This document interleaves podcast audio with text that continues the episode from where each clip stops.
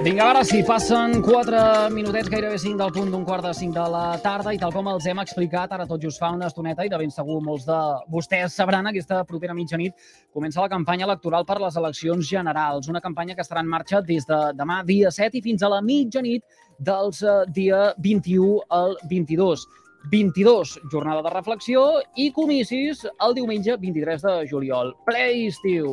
Alguns de vostès potser fins i tot de vacances. Els electors de la circumscripció de Tarragona podran escollir entre 16 llistes al Congrés dels Diputats i 13 al Senat en aquestes eleccions espanyoles. De fet, el butlletí oficial publicava ja aquest dimecres les candidatures i a la circumscripció de Tarragona s'escullen 6 diputats i 4 eh, senadors. Volem parlar de tot plegat, d'aquestes eh, noves eleccions. I ara sabran per què diem noves eleccions, perquè em penso que encara tenim en la memòria les que ens permetien escollir els representants municipals, ara tot just fa eh, un mes. Però ho farem des del punt de vista comunicatiu, i és per això que qui comparteix una estoneta amb nosaltres és la professora dels Estudis de Comunicació de la Universitat Rovira i Virgili, Carlota Moragas. Carlota, molt bona tarda i benvinguda una vegada més al carrer Major de les emissores de la xarxa al Camp de Tarragona. Molt bona tarda, ja tornem a ser per aquí.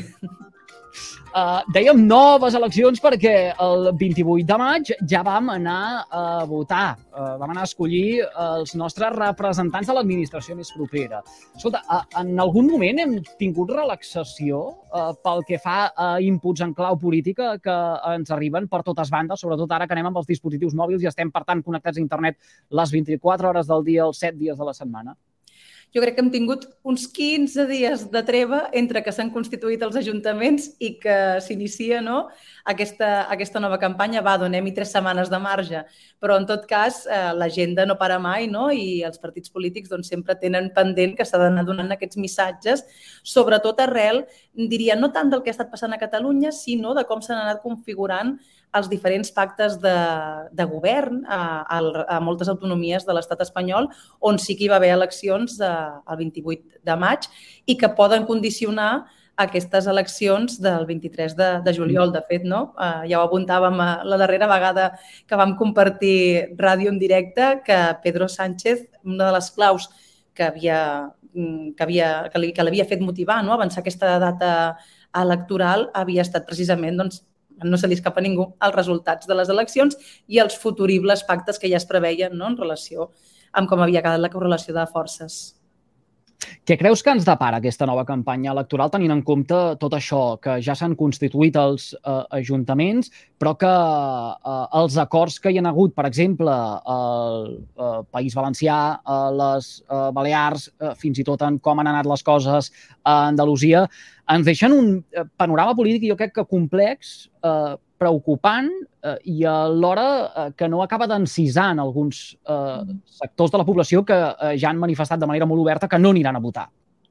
Jo crec que d'una banda no, aquí hem de diferenciar el tipus de lectors. No? Per l'elector a nivell de l'Estat, eh, també per l'elector a Catalunya, però ha quedat clar d'una vegada per totes, si és que no havia anat quedant clar en altres pactes anteriors dels que s'han succeït després d'aquestes eleccions del mes de maig, que no hi ha cordó sanitari per pactar amb l'extrema dreta, si l'objectiu és governar una comunitat autònoma, un ajuntament, el que sigui, com a mínim per aconseguir el seu suport no? per, per ser eh, escollit, en el cas del Partit Popular.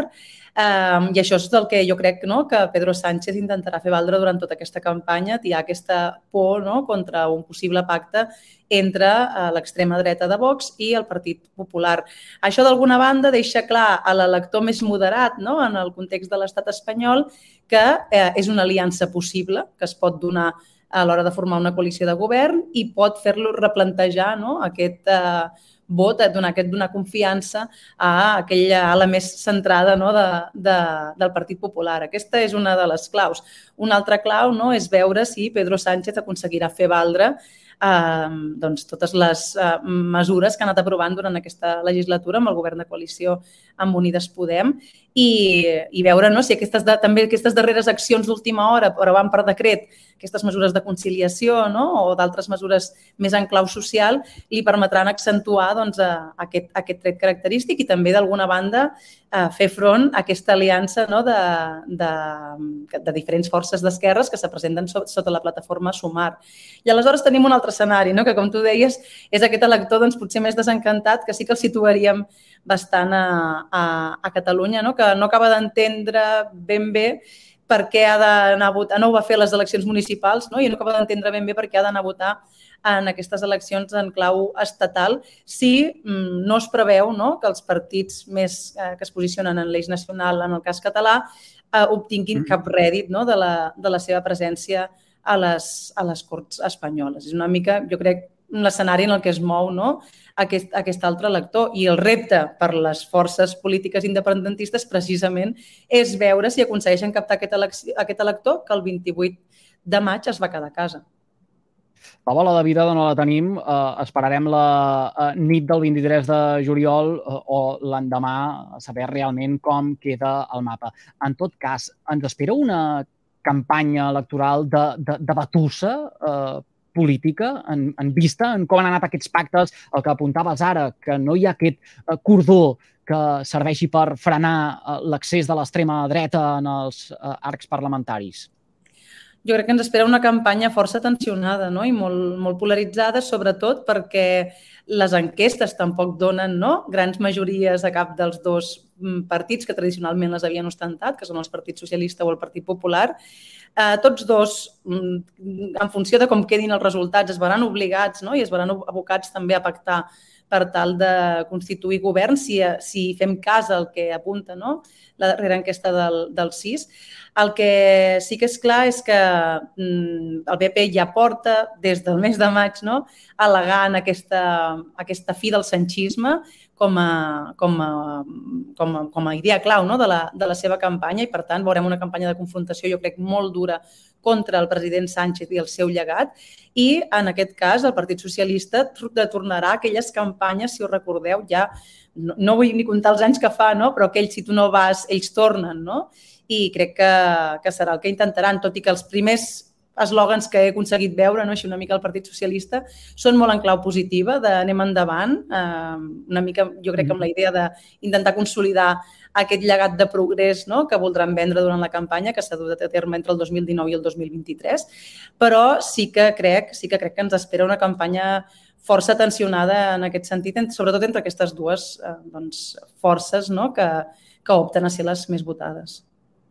Uh, Carlota, comunicativament, uh, la campanya electoral, aquests uh, 15 dies uh, frenètics pels mitjans de comunicació, directament també pels polítics que hi participen doncs, en uh, primera persona i aquells que la segueixen uh, per uh, passió, perquè els atrau per uh, morbo o perquè no hi ha cap més remei. Serveix alguna cosa a dia d'avui? És a dir, els uh, inputs uh, que rep la ciutadania en ple segle XXI en aquests uh, 15 dies, són capaços de canviar alguna eh, cosa. No, no parlem de, dels indecisos, eh? Mm -hmm. Situem-nos en uh, l'altra en, en, en, en l'altra part, en la gent que està convençuda del que ha de votar. Sí que és veritat que hi ha molts factors que poden influir no, en la decisió final del vot. El que sí que és clar, mm, pels estudis no, que s'han anat publicant en l'àmbit de la comunicació política i el comportament electoral, és que cada vegada d'aquests electors que dius tu, no, que són més fidels, que ho tenen més decidit, n'hi ha menys. No? I, per tant, la bossa dels indecisos és molt gran i el que això, eh, el que això ocasiona no, és que tinguem o sigui, tinguem l'oportunitat bueno, o l'obligació, no? els partits polítics tenen l'obligació d'intentar convèncer-los fins a darrera hora. Perquè el que sí que s'ha vist és que el vot de, sobretot les persones indecises, és molt volàtil i, per tant, no està condicionat cap a una única formació. Aleshores, sí que no tot es pot deixar la campanya electoral, ni és obvi que hi ha altres dinàmiques no? que influiran en el resultat final de les eleccions, però no diria que és un factor poc important, no? perquè si no tampoc no s'hi abocarien tants recursos ni, ni els partits hi dedicarien tanta atenció. De la mateixa manera que diem que un debat electoral no acaba decidint un resultat, no? perquè a vegades hi ha candidats que ho fan molt malament al debat i resulta que obtenen un gran resultat a, la, a, la, a les eleccions, mm, però sí que no és un, un factor que condicioni mm, per una relació causa-efecte el resultat final de les eleccions, però és un factor doncs, que, que sí que pot incidir en, en el vot. Per això s'està anant també cada vegada més cap a missatges no? microsegmentats, que es diu, igual que en el màrqueting eh, comercial, en el màrqueting electoral es, es va buscar l'elector gairebé un per un, tenint en compte que és el que tu dius, eh? hi ha un gruix de gent que sí que segueix això, però hi ha un gruix de gent que no seguirà la campanya i a la qual li aniran arribant inputs doncs, a través de la seva xarxa social o, o, o d'altres fonts, no? a través de les quals li pugui consumir informació d'aquest caire. Suposo que és per això no? que cada cop veiem eh, també més els polítics, de vegades fins i tot fent riure una mica, quan utilitzen el eh, TikTok eh, i podem arribar a pensar, mare de Déu, on hem arribat eh, per mm. eh, veure el que eh, és un possible representant eh, nostre eh, fent segons quins eh, putxinelis. Està clar que gran part dels electors encara són a la televisió i encara són eh, no, escoltant la, la ràdio i alguns potser amb la bossa més gran no, el, entre el Facebook i el Twitter, però sempre es diu no, que eh, els partits han de tenir present on són els electors del futur. I sí que és veritat que TikTok és la xarxa jove per excel·lència, però segurament també hi ha un gruix de gent no, que ja té els 18 fets i, i els partits polítics, sobretot aquells que no estan tan consolidats no, en el panorama polític, eh, fan esforços per, per ser allà perquè, perquè saben no, que, que a través d'aquesta xarxa poden fer arribar missatges, argumentaris que calin en el que seran els electors del futur o els que ja poden votar en aquestes eleccions. S'innova també en la comunicació eh, política? No sé, ara em ve al cap, per exemple, el eh, debat que hi ha dia d'avui entorn de les intel·ligències artificials i com aquesta eh, eina eh, pot utilitzar-se en eh, benefici d'aquell que la fa servir o girar-se en contra i per, tal, eh, i per tant quedar també eh, endarrerit si no es contempla com a eh, possible eh, manual de progrés. Jo, de la veritat que desconec, eh? encara crec que estem no? Amb, a les beceroles d'això, tot i que va molt ràpid, i els que lideren tot això sempre són els americans, no? són on sempre veiem les innovacions. No sé si en aquesta campanya veurem cap acció molt trencadora amb respecte del que ja s'ha estat fent, eh, per exemple, en la campanya de les eleccions municipals i autonòmiques. No? També perquè aquesta celeritat, aquesta rapidesa en haver de dissenyar una altra campanya amb un marge no? d'un mes i mig pràcticament, eh, no sé si donarà temps a experimentar algunes d'aquestes noves tecnologies. No? En tot cas, sí que haurem d'estar atents a, a aquestes tendències, a veure com acaben impactant. Fa mm, cinc anys ningú s'imaginava que es faria Mm, campanya per TikTok, per exemple, no? que veuríem polítics ballant o que veuríem polítics entrant en un directe de Twitch. I tot això va canviant molt ràpidament i el que sí que hi ha com una consigna no? entre, sobretot els qui es dediquen a planificar campanyes electorals, és que en els llocs s'hi ha de ser, però s'hi ha de ser d'una manera coherent. I això és una premissa bàsica que no té res a veure amb la innovació a les xarxes socials, no? però que és, que és aplicable a totes les manifestacions de, de comunicació en les quals es vehiculi la campanya electoral. El que és important aquí i, i que veurem no, com acaba calant és també el missatge, no? l'storytelling, les narratives, veure com els diferents argumentaris que els partits polítics intentaran fer arribar durant aquesta campanya acaben calant en la, en la població. I això serà particularment interessant com a mínim des de uh, la nostra perspectiva com a comunicòlegs, veure en el cas de l'extrema dreta, no? del populisme d'extrema dreta, si aquests marcs que s'han anat um, reproduint no? i que realment trenquen consensos establerts amb la societat uh, tenen calen no? I, i milloren aquel, aquests mm. uh, resultats de les eleccions de novembre de 2019 o si realment han tocat sostre i, i aquí i aquest és el seu, és, a, és el seu límit no? a nivell, a nivell de, de diputats obtinguts.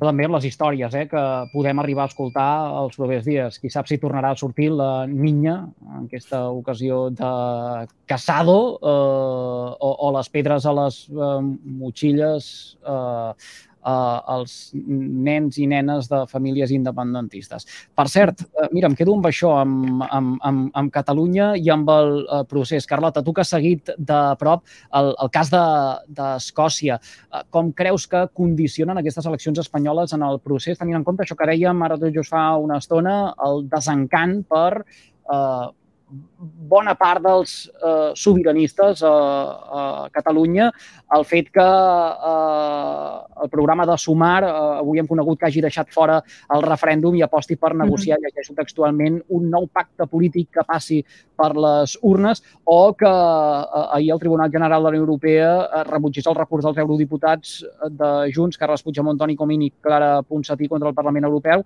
per l'aixecament de la seva immunitat. Clar, aquí hi ha dues coses, no? La primera, aquests últims esdeveniments que tu has anat dient i que marcaran el discurs independentista durant aquesta campanya, no? que també es preveu doncs, que sigui un discurs una mica endurit i de confrontació, veient que um, aquesta per dir-ho d'alguna manera, manca d'atenció no? en el que era l'eix nacional de les eleccions municipals va passar factura perquè no es percebia realment que s'estigués fent cap progrés, o anem a dir així entre cometes, en el que era el procés independentista. El fet que eh, la justícia doncs, doni un revés no? als exiliats, el fet que Sumar, que mm, d'alguna manera de, doncs, rebaixi no? Aquesta, aquest suport que sí que Unides Podem donava a la celebració d'un referèndum. Tot això servirà d'alguna manera perquè els discursos independentistes es tornin, jo crec, un punt més eh, beligerants amb aquesta idea d'intentar tensionar no? I, de, i de cridar el votant eh, a, que, a que els doni suport a les urnes. I després veig un altre escenari, no? depèn de com quedi la configuració del govern espanyol, podem tornar en, un, en, en aquest entorn, no? en, aquest, en aquest context més polaritzat, en aquest context més tensionat, en funció de qui acabi sent la, la, les forces de govern. Si ens trobem davant d'un govern en què finalment sumin pel que sigui Partit Popular i Vox o en què el Partit Popular, eh, no sé, Feijó, que havia investit president no? amb alguns suports, però una de les decisions que tiri endavant sigui doncs, eh, tornar a perseguir de manera més activa judicialment l'independentisme. Aquí veig un, un escenari no? on, on es tornarà a tensionar una mica el, el conflicte que en aquests últims anys doncs, s'ha vist eh, rebaixat no? per molts altres factors, l'arribada la, la, mm, sobtada de la pandèmia, la, els indults no? en, en els presos, etc haurem de uh, veure-les venir al llarg d'aquests propers 15 dies de mítings, de debats, uh, després d'haver tancat i presentat les candidatures per les uh, Corts i que els ajuntaments ja han fet, ja han fet els sortejos eh, per seleccionar els ciutadans que formaran part d'aquestes meses uh, electorals. Això també serà uh, emocionant, no? Veure uh, fins on arribarà la participació, donat que uh, ens trobarem a les portes del mes d'agost amb molta gent de vacances, en ple estiu, amb aquestes calorades que eh, tampoc conviden gaire d'anar en un col·legi electoral. Realment era una aposta molt arriscada no? la, la data per part de, de Pedro Sánchez, però m'imagino que, tot i tenir clar que era una data molt arriscada, era mm, per ells no? la, la única via o la via més plausible de no sortir tan malparats. Probablement, potser, en el mes de novembre, tot i poder augurar una participació més alta, um, hi hauria hagut un major desgast per part de, del govern. No ho sabem, ho sabrem, com dius tu. No tenim la bola, la bola de cristall, ho sabrem el dia 23 de, de juliol. Sí que és veritat que s'ha fet molta campanya no?, per informar sobre com es pot votar per correu, tenint en compte de, de les circumstàncies no?, que se celebren aquestes eleccions, però haurem de veure si realment doncs, la gent s'ha sentit cridada o si la gent mm, fa gala no, també d'aquest grau una mica de desafecció amb l'escena política eh, actual. Carla Tamoragues, gràcies una vegada més per fer-nos confiança i acceptar la invitació del carrer Major de les emissores de la xarxa al Camp de Tarragona. De Tarragona. Com sempre, és un plaer. Uh, estarem en contacte, uh, a veure com anirem de les coses uh, i segur que podrem fer aleshores uh, l'anàlisi post-electoral. Uh, uh, Molt agraïts. En tornem a parlar. Gràcies. Vagi molt bé. Són